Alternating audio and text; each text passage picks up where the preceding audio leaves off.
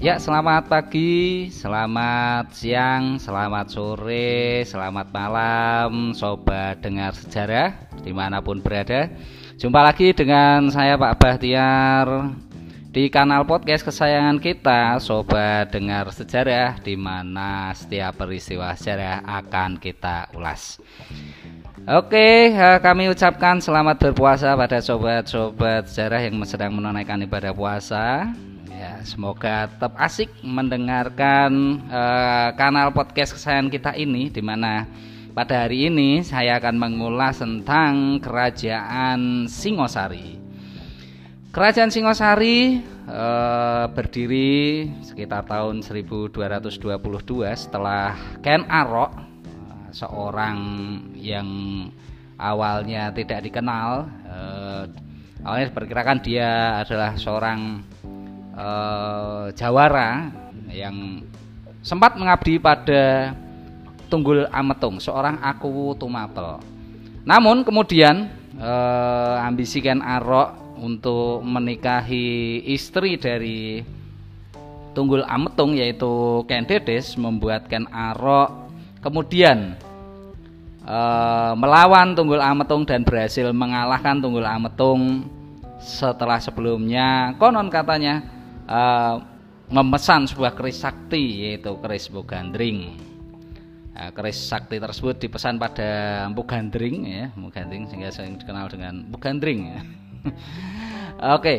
uh, dengan keris tersebut uh, Ken Arok akhirnya berhasil uh, mengalahkan Tunggul Ametung dan menjadi aku, aku Tumapel yang baru sekaligus memperistri Ken Dedes. Ternyata eh, di ibu kota Kediri terjadi eh, sebuah konflik di mana Raja Diah Kertajaya saat itu meminta para Brahmana untuk memujanya seperti halnya eh, seorang dewa. Hal ini ditentang oleh para Brahmana. Para Brahmana yang melihat eh, pengaruh Ken Arok semakin kuat di daerah Tumapel, kemudian meminta perlindungan dan memberikan dukungan kepada Ken Arok untuk melawan uh, Raja Diah Kertajaya dan akhirnya uh, terjadilah peperangan uh, peperangan antara uh, pasukan Raja Diah Kertajaya dengan uh, pasukan yang dipimpin oleh Ken Arok. Dan pertempuran yang diperkirakan terjadi di daerah Pujon tersebut berhasil menewaskan Diah Kertajaya. Diah Kertajaya kemudian e, mengakhiri menjadi raja terakhir dari kerajaan Kediri. Keberhasilan Ken Arok mengalahkan Dia Kertajaya, kemudian mengangkatnya e, para Brahmana kemudian mengangkatnya mengangkat Ken Arok sebagai e, raja baru e, dengan bergelar Sri Ranggah Raja Saamurwa Bumi. Nah, Ken Arok sekaligus menjadi raja e, pertama dari kerajaan Singosari. Uh, kemudian Ken Arok sempat memerintah uh, Singasari kurang lebih selama uh, lima tahun sebelum akhirnya dia terbunuh oleh uh, anak antara Ken Dedes dengan uh, Tunggul Ametung penguasa Tumapel sebelumnya bernama Anusopati. Anusopati uh, anak dari uh, Ken Dedes ini uh, mendapat informasi bahwasannya ayahnya Tunggul Ametung ini uh, terbunuh oleh Ken Arok Anusapati yang merasa dendam kemudian uh, membunuh Ken Arok dalam sebuah peristiwa. Selanjutnya pemerintahan di Singosari dilanjutkan oleh Anusopati. Anusopati dia disebut juga sering disebut Anusanta Nah, ini berlangsung dengan aman, tentram.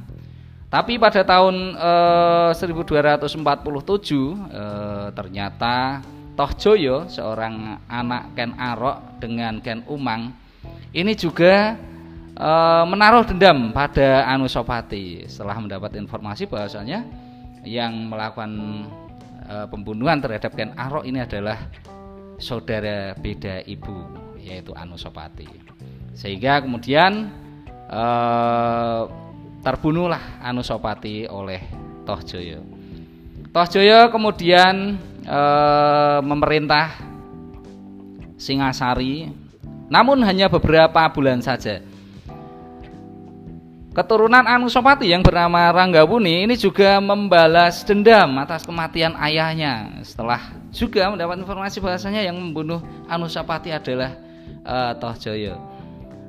Uh, dalam peperangan tersebut, uh, Tohjoyo uh, mengalami luka-luka dan uh, akhirnya meninggal dalam pelariannya. Kemudian setelah Tohjoyo kalah, uh, Ranggawuni kemudian naik tahta. Dia bergelar Srijaya Wisnuwardana. Dia memerintah bersama Mahisa Campaka, anak Mahisa Wong Teleng. Uh, yang juga masih keturunan Ken Arok.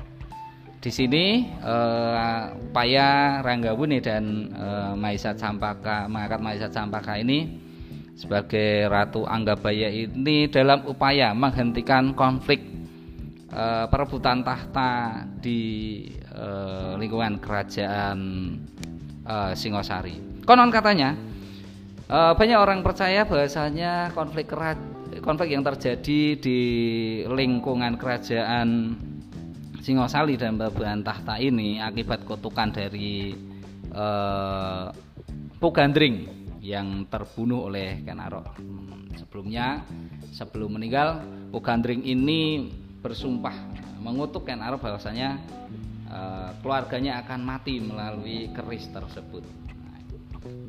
Nah ini kemudian keris tersebut uh, hilang entah ke mana. Mungkin ada yang tertarik untuk mencari keris tersebut sebagai barang antik. Siapa tahu ya harganya sekarang uh, mahal ya.